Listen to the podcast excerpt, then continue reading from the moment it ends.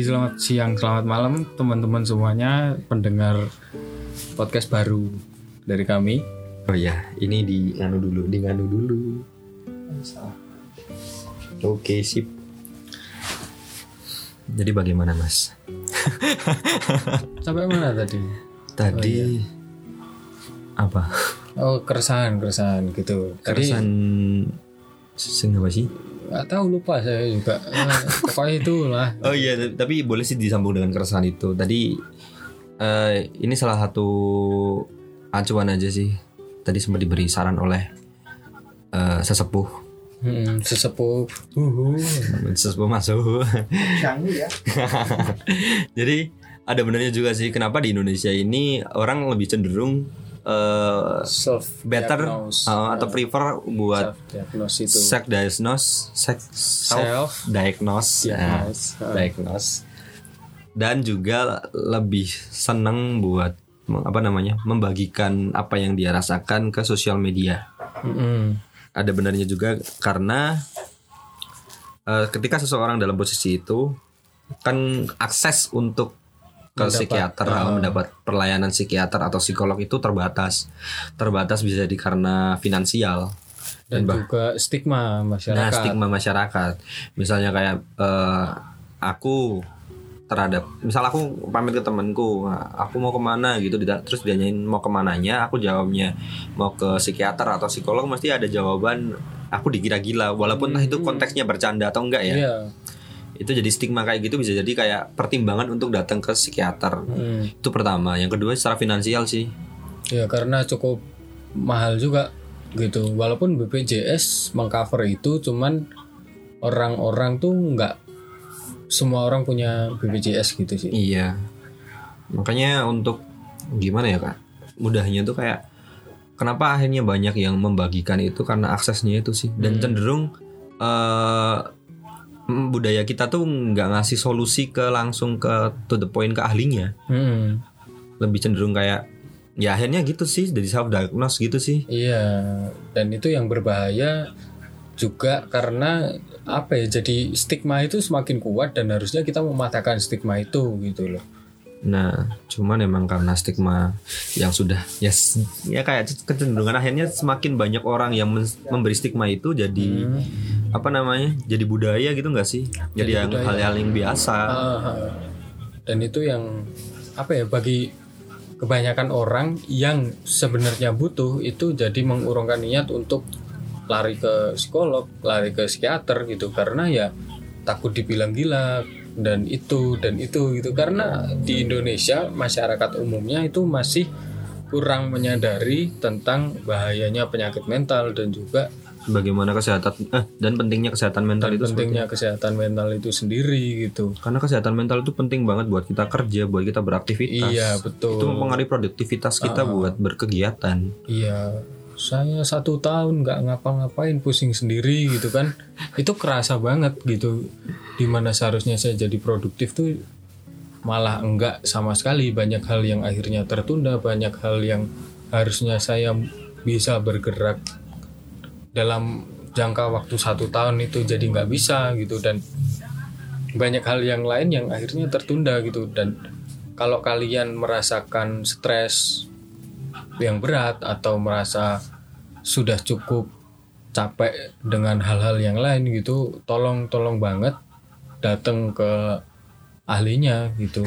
Ya paling enggak kayak kita manfaat memanfaatkan ini loh fasilitas online-nya itu kan ada kan sekarang. Sekarang udah banyak banget kan. Sekarang sudah dipermudah juga dan ya perkara stigma itu kalau saya pribadi mending saya di judge saat itu juga daripada besok-besok saya yang repot sendiri karena nggak datang ke ahlinya gitu. iya jadi sebelum menumpuk Nah, apa istilahnya tuh Eh, lebih baik em, apa namanya mengurangi apa? lebih lebih baik lebih baik mencegah daripada mengobati Oh iya, lebih baik Nah, mencegah daripada. karena pengobatan tuh waktunya bakal lama apalagi terhadap mental Ya pengobatan mental yang yang paling panjang yang saya tahu itu ada yang sampai lima tahun, ada yang bisa sampai belasan tahun tuh juga belasan bisa. tahun gitu. Teman saya itu sudah mulai dua tahun. Ini adalah tahun ketiga berarti.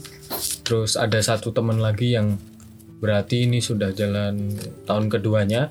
Dan ya mereka ngerasa lebih baik daripada nggak sama sekali gitu sih ya ya, ya hal itu perlu didukung gitu bahwa teman-teman kalian tuh juga bisa stres gitu Iya, jadi nggak semuanya bisa jadiin bercandaan juga sih. Terus hal itu juga berkaitan sama ini eh, pandangan kita terhadap keadaan dan kenyataan. Mm-mm.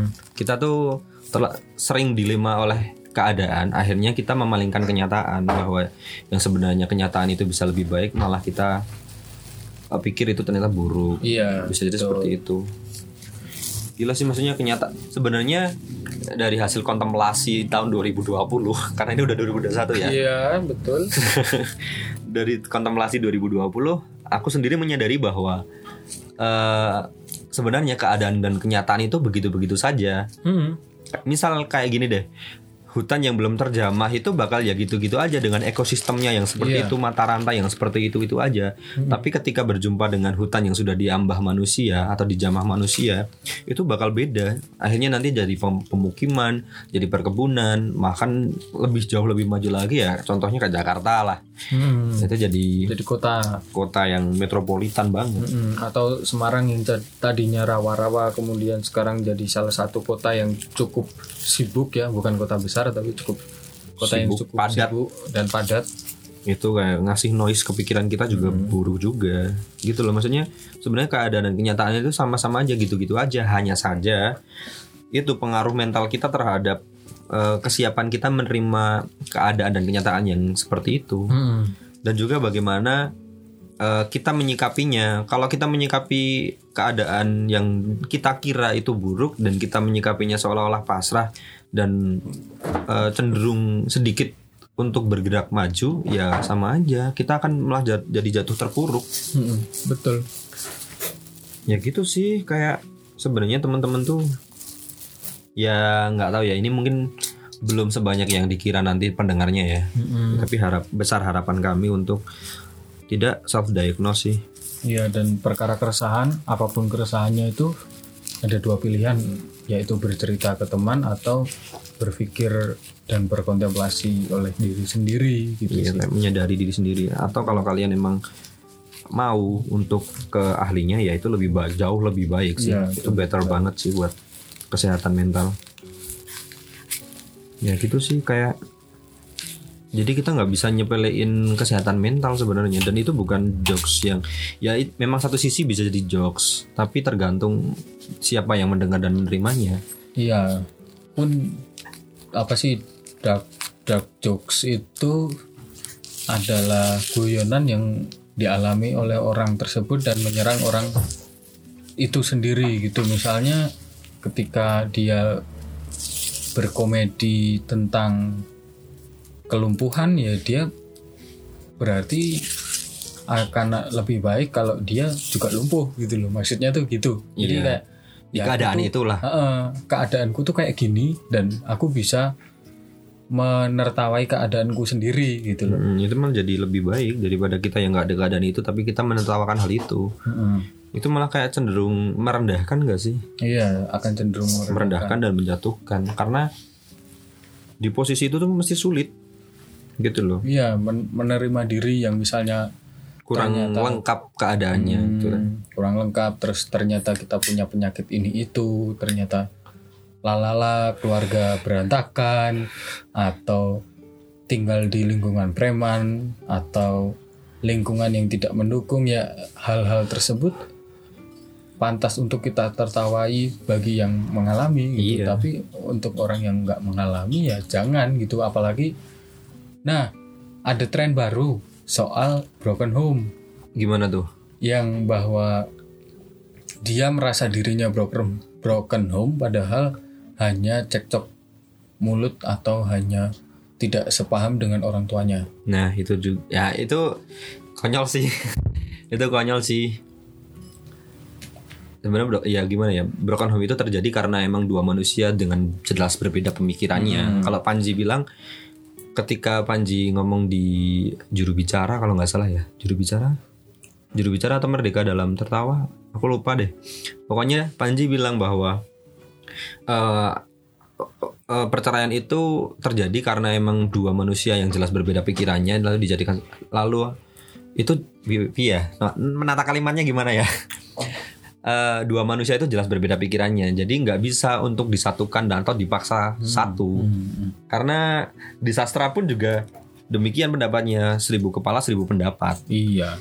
makanya nggak mesti kita harus pendapat terus justru dengan perbedaan itu kita harus eh, menerima Iya, betul. Dan ya bagaimanapun juga sesuatu hal yang sudah terjadi itu ada baiknya memang lekas disadari juga sih. disadari dan ya sudah udah udah lewat udah terjadi ya udah gitu. Kita kita masih bisa jadi lebih baik dengan menata hari ini untuk masa depan daripada meratapi masa lalu untuk melihat apakah di masa depan kita bisa atau enggak gitu kayak meratapi masa lalu tuh sebuah hal yang percuma karena udah terjadi tapi untuk menata masa depan tuh masih bisa karena kita hidup di saat ini Iya, mantap sekali keren ya ya gitu, maksudnya apa ya? Kita masih bisa mengusahakan, jadi nggak usah terlalu pesimis. Heeh. Ya walaupun ini kita kembalikan ke teman-teman sih, kan iya teman-teman juga yang menjalani. Jadi kita iya.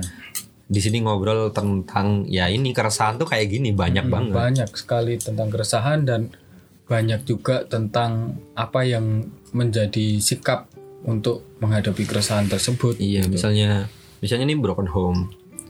Tiap keadaan kan beda-beda. Mm-mm. Ada ada yang emang keluarganya broken home tapi emang baik-baik aja walaupun ya banyak tekanan juga yang datang. Ada juga yang broken home tapi nggak siap buat menerima keadaan itu karena ya dari kenangan yang udah pernah Ah, terjadi ah, itu macam-macam. Ya semuanya tuh balik lagi sih ke diri kita baiknya gimana. Karena ya wajar saja gitu loh. Toh misal orang tua kita yang broken, kita bisa jadi orang tua yang tidak broken Nah, itu hal yang sederhana. atau tidak menikah. Atau tidak menikah. Ya, itu juga bisa jadi pilihan sih karena Iya. apa istilahnya tuh eh, traumatis. Iya, kan trauma manusia ini kan sifatnya kan traumatis. Ya gitu. Macam-macam sih. Manusia ini akan dibahas lebih terstruktur dan terperinci itu bakal jadi berapa buku. Iya, madilog aja setebel itu gitu kan. Madilog. Madilog. Buku yang baru saya baca separuh, tidak sampai tamat. karena jelek. iya, pusing saya baca gila. ya macam-macam sih keadaan manusia tuh macam-macam ada yang ada yang kayak haus maksudnya haus tuh merasa nggak cukup. Ada yang udah cukup dan dia merasa bahagia tuh banyak. Iya, dan ada yang nggak mau keluar dari zona nyaman, Mm-mm. ada yang pengen terus bergerak, ada yang ketika dia haus akan pengakuan atau bahkan tidak butuh pengakuan tapi terus bergerak itu juga banyak gitu. jadi macam-macam sih cara yang bisa kita lakuin biar kita nggak terlalu berkutat pada keresahan kita. Bahkan alangkah lebih baiknya ketika kita resah kita bisa jadikan itu sebagai karya. Hmm. kan komedian banyak stand up komedian itu mereka bergerak dari keresahan. Misal Coki Muslim.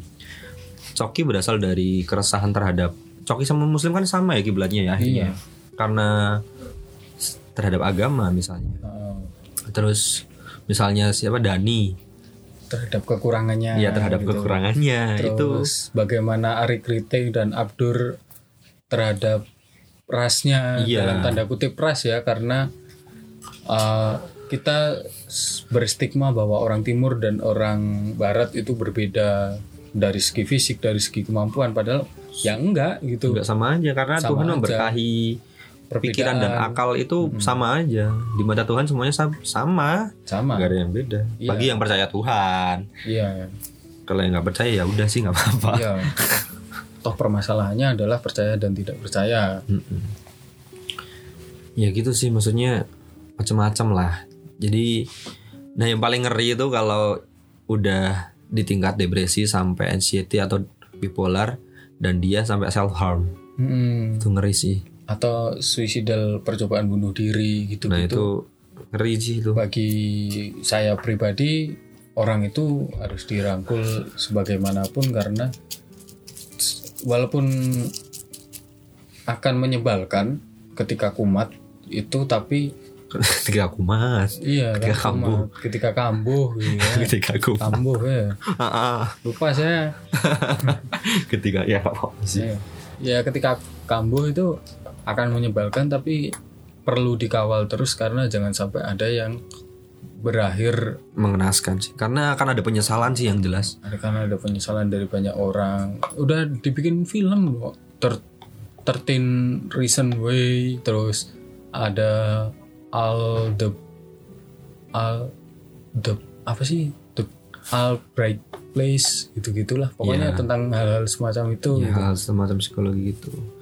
Nah apalagi saat ini kan media mudah banget kesebar. Bahkan anak SD anak kecil pun. Nah ini yang paling konyol sih. Kemarin ada meme. Enggak sih bukan meme kak. Di Facebook itu ada yang nge-share foto. Di situ ada bapak atau ibu intinya keluarga menemani anaknya buat eh, tukar tambah HP Hmm, Nah si counternya itu karena HP si anak ini, ini anak masih kalau nggak salah kelas 4 SD. Nah si anak ini ah, HP-nya belum direset. Kan normalnya ketika kita mau tukar tambah HP itu direset dulu HP-nya. Nah si anak ini mungkin belum paham akan hal itu ya. Nah si counter ini bilang di situ di, di, di statusnya dia bilang masa anak SD riwayat eh, galerinya isinya bokep.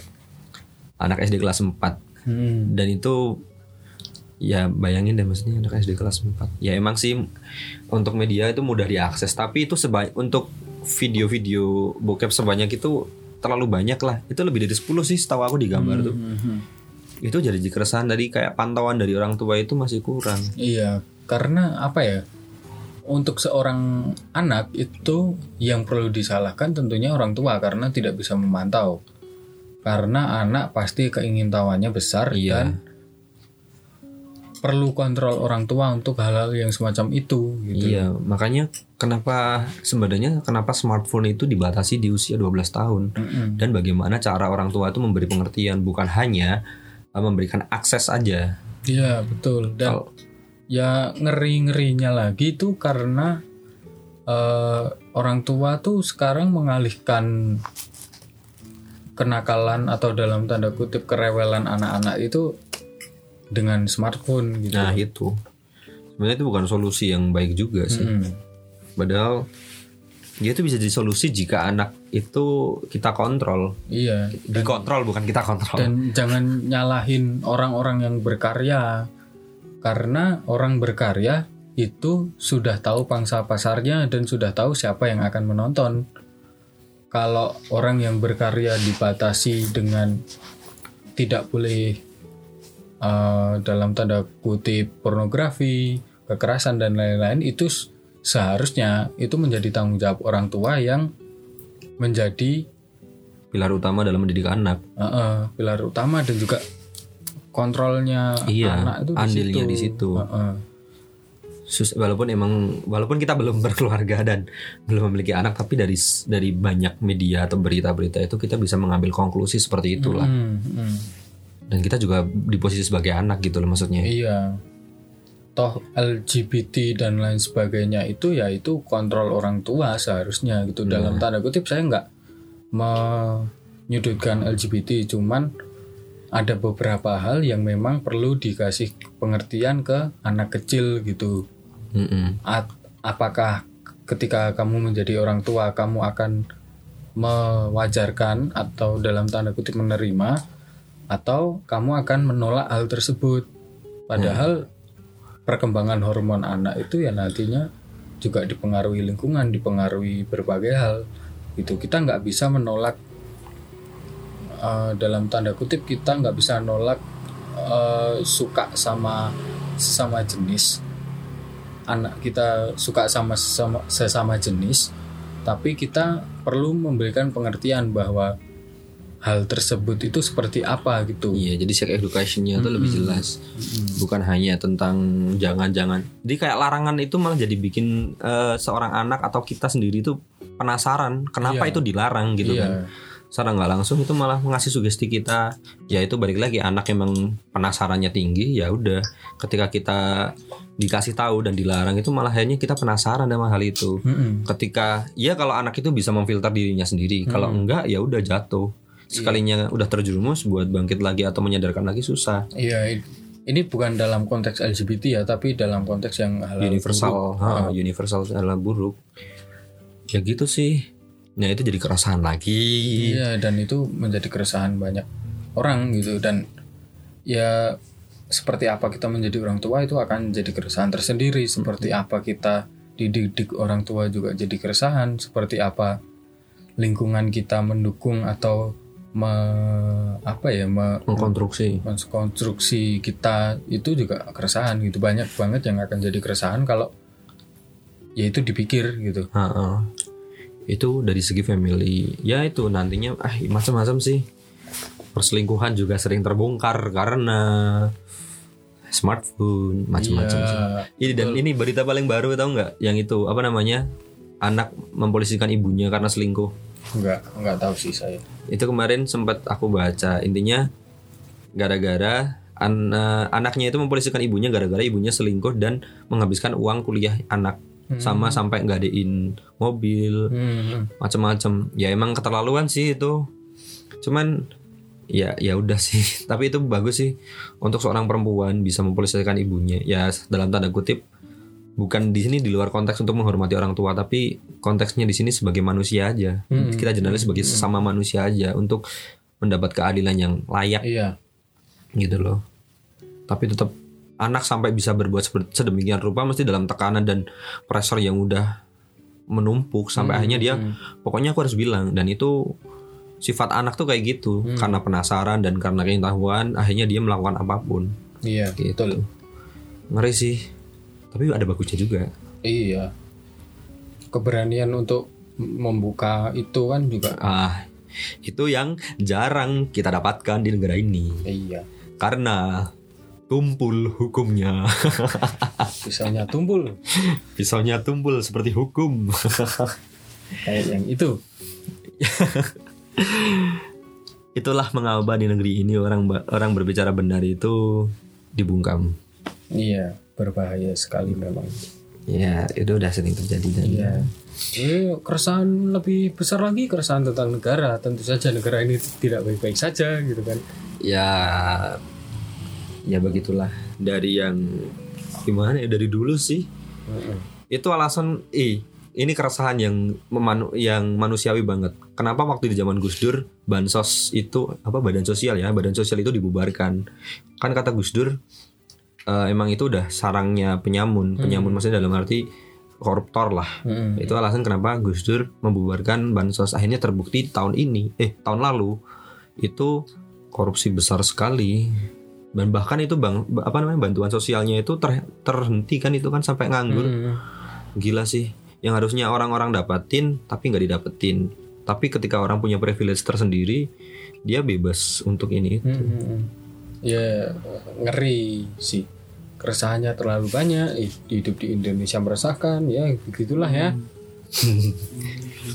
Jadi keresahan dari yang berawal pada diri diri sendiri sampai ke yang benar-benar sangat besar dan sampai lingkup negara itu ya emang ada baiknya juga ketika kita berpikir ke ranah itu tapi bagaimana diri kita terhadap kita sendiri Mm, betul. kita bisa memikirkan hal yang besar tapi kita nggak menyayangi diri kita kayak love self gitu ya susah Iya betul. Apalagi perihal mencintai diri sendiri ini meskipun sulit pasti haruslah gitu karena untuk menerima diri sendiri itu emang sulit gitu.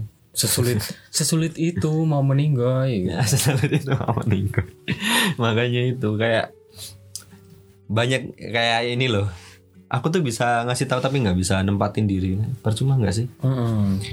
Tapi ya ya udah sih nggak bisa dipaksa juga kan. Iya. karena tiap manusia punya zonanya masing-masing punya sisinya masing-masing untuk mencintai dirinya sendiri dan bagaimanapun itu. Iya, dan- yang kita kira bisa bisa jadi yang kita kira itu buruk malah bisa jadi lebih baik baik untuk orang lain. Mm, Ya, macam-macam iya, yang pasti jangan jadi orang yang melihat segala hal yang dilakukan orang lain itu buruk gitu. Kita kan nggak tahu kalau ternyata orang jadi maling hanya untuk membiayai anaknya sekolah gitu. Nah, misalnya gitu itu banyak sekali kasus terjadi. Ya pandemi, gara-gara pandemi itu. Iya, pandemi dan uh, stereotip Iya. kita menganggap bahwa makanan jatuh belum lima menit dan dimakan tidak akan menyebabkan corona. Iya. Akhirnya kita tertinggi Lumayan nih angkanya 700 ribu lebih ya i- di di hari ini 11.500 500 sekian. totalnya. Eh, di hari ini total 800. Udah 800 ribu. Boleh nego nggak? Boleh, boleh. Ya begitulah regulasi yang tidak jelas. Dan Ya, misalnya kayak ini barusan eh, beberapa waktu lalu tanggal 11 Desember sampai 20 eh di Desember 11 Januari sampai 25 Januari ditetapkan bahwa PSBB Jawa Bali. Mm-mm. Tapi hanya Surakarta merubah itu Mm-mm. dengan aturan-aturan bahwa yang salah satunya adalah eh, para pedagang boleh sesuai dengan jadwalnya kayak misal jualan dari jam 5 sampai jam 12 malam nggak masalah asal kapasitasnya 25% dari eh, Yang- keseluruhan. Ah, biasanya. Nah, eh, kayak ya udah sih beda sama di awal sih. Hmm, ya itu tergantung kebijakannya masing-masing di dan beruntung sekali di Temanggung sini enggak ada itu jadi orang tetap bebas nongkrong dalam lingkup Protokol. standar protokol. Iya, betul sekali. walaupun enggak sih tapi ya ya itu persoalan orang lain sih. Iya. saya tetap protokol Karena sehat itu penting, mahal. iya tapi saya nggak bisa divaksin karena riwayat paru Ya, begitulah. Aduh, sumpah keresahan tuh banyak banget ya sebenarnya. banyak banyak Kalau kita ngomongin keresahan aja tuh banyak. Ngomongin keresahan, romantisasi keadaan, macam-macam sih. Hmm. Apalagi anak muda sekarang. Nah, apalagi anak muda dengan sekolah apa ya? Apa? Sekolah online. ya itu berbahaya itu sekali berbahaya sekali karena anak muda sedang mencari jati diri. kenapa di online kan gitu kalau Iya. kata siapa itu yang di Solo yang Bupati di video itu Bupati itu. Heeh, yang dia bilang kalau gimana kalau sebenarnya pandeminya tiga tahun terus tiba-tiba dia masuk SMA atau SMP padahal tahu-tahu. otaknya masih SD Nah, itu dia kayak itu juga kerasan jadi guru, dari dari guru loh. iya dan menurut saya Tenaga pendidik itu jadi kayak itu jadi keresahan yang cukup besar karena kita akan PR banget itu. punya satu generasi yang amat sangat ngeblank gitu. ngeblank kak Iya kayak di video-video di share itu kan. Sini sini sini sini. Iya. Nah, kayak di video-video yang sering di share itu kan kalau apa namanya? eh itu dinyanyiin ditanyain kan SBY ini foto siapa padahal itu foto SBY tapi dia nggak tahu itu siapa gitu kan terus eh apa namanya foto-foto pahlawan dia nggak tahu itu siapa. Tapi ketika ditanyain Free Fire ditanyain apa namanya tarik siswa dia tahu anjir. Mereka lebih tahu hal-hal yang viral daripada hal-hal yang patut kita tahu sejarahnya. Iya dan padahal sejarah itu mengasihkan. Wih, dia sebagai anak sejarah. Sebagai anak sejarah ya macam-macam. Tapi ya kita sebagai nanti yang setelah lulus kuliah bergelar SPD itu jadi PR banget. Mendidik mendidik anak dengan generasi yang tiba-tiba diluluskan tuh aneh rasanya. Ya ya nggak masalah sih ketika tahun 2020 kemarin kan ada yang diluluskan secara gratis dan cuma-cuma. Tapi besoknya itu susah. Ya. iya kalau mereka yang eh, kompeten kalau yang enggak wah ya itu untuk untuk pen- pengajar SD SMP itu susah. Kalau SMA mas mungkin masih bisa kita beri frame dan gambaran yang lebih Iya, luas lagi. Gambaran luas. karena itu udah dalam lingkup pencarian jati diri. Tapi kalau masih dalam lingkup SD SMP itu susah. Karena pemikiran mereka masih dalam pantauan dan bimbingan. Hmm. nah iklan bentar guys. Nah terus gimana ya? Jadi pengajar tuh nggak mudah. Kalau siapa? Itu prof siapa itu yang mencari 10 oh sis apa anak bodoh di Papua tuh? Uh, ya itu lupa. Prof. Yohan Yohan Surya. Hmm. ya Prof. Surya gitu ya yang aku ingat Suryanya doang sih. Dan beliau mencari 10 anak yang bodoh tapi dia bisa membawa anak itu menjuarai juara robot nasional anjir. Hmm. dan beliau bilang bahwa eh, guru yang baik adalah guru yang dapat memberikan inspirasi dan motivasi juga metode belajar yang baik Nah itu PR sih. Itu keresahan lagi jadi pengajar. baru untuk anda sebagai Yang- pengajar Pengajar. saya tidak Ya saya nggak tahu sih. aku nggak tahu sih. Dia kalau aku jadi pengajar kalau enggak juga nggak masalah. Cuman PR kita semua karena belajar itu bukan hanya dari Iya. sekolah. Dari lingkungan pergaulan itu juga bisa. Nah pertanyaan kemudian bagaimana kesiapan anak atau seseorang itu menerima pelajaran baru itu?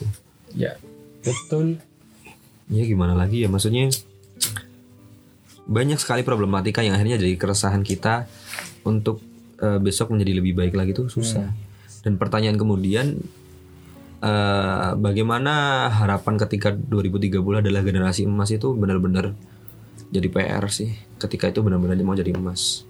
iya karena satu tahun skip sekolah Ya walaupun emang sih jen- aku aku nggak mengeneralir ya tapi emang banyak banget yang tetap jenuh tuh banyak. iya. Sangat banyak. Tapi kasus yang nggak senonoh juga lebih banyak juga sih. Iya. Hamil hamil. Hamil hamil. Macam-macam juga sih. Ya itulah dari keresahan keresahan kita. Ya walaupun terwakil sedikitnya terwakili oleh kita. Hmm. kayak Ustadz siapa yang baru meninggal tuh? Ah, Syekh Ali Jabir. Nah Syekh Ali Jaber meninggal. Ya turut berduka cita. Karena kita kehilangan satu lagi key of opinion. Nah. key opinion leader. Nah itu susah. kita bilang pemberi opini yang paling sejuk gitu. Setelah dulu ada Gus Dur sekarang ada Syekh Ali Jabir meninggal itu adalah sebuah kehilangan besar. Iya sih, karena ya ya itu keresahan tentang agama itu sangat eh, sensitif sekali untuk dibahas. iya Itu mungkin di lain kesempatan bisa di- dibahas iya karena itu bisa di dikerucutkan ya. iya bisa itu. dikerucutkan Ya besok bisa kita coba iya oke sekian dari kami kami. Bila banyak kurangnya ya, memang kita isinya kekurangan doang. Iya, kalau saya ada ngomong yang tidak pas, ya tentu saja tidak pas karena lingkungan kita berbeda ya begitulah. dan keadaan fisik dan mental yang berbeda. Tapi mohon maaf karena emang kami berusaha setidak menyinggung itu. Iya. Jadi ya sekian dari kami Selamat beraktivitas. ya.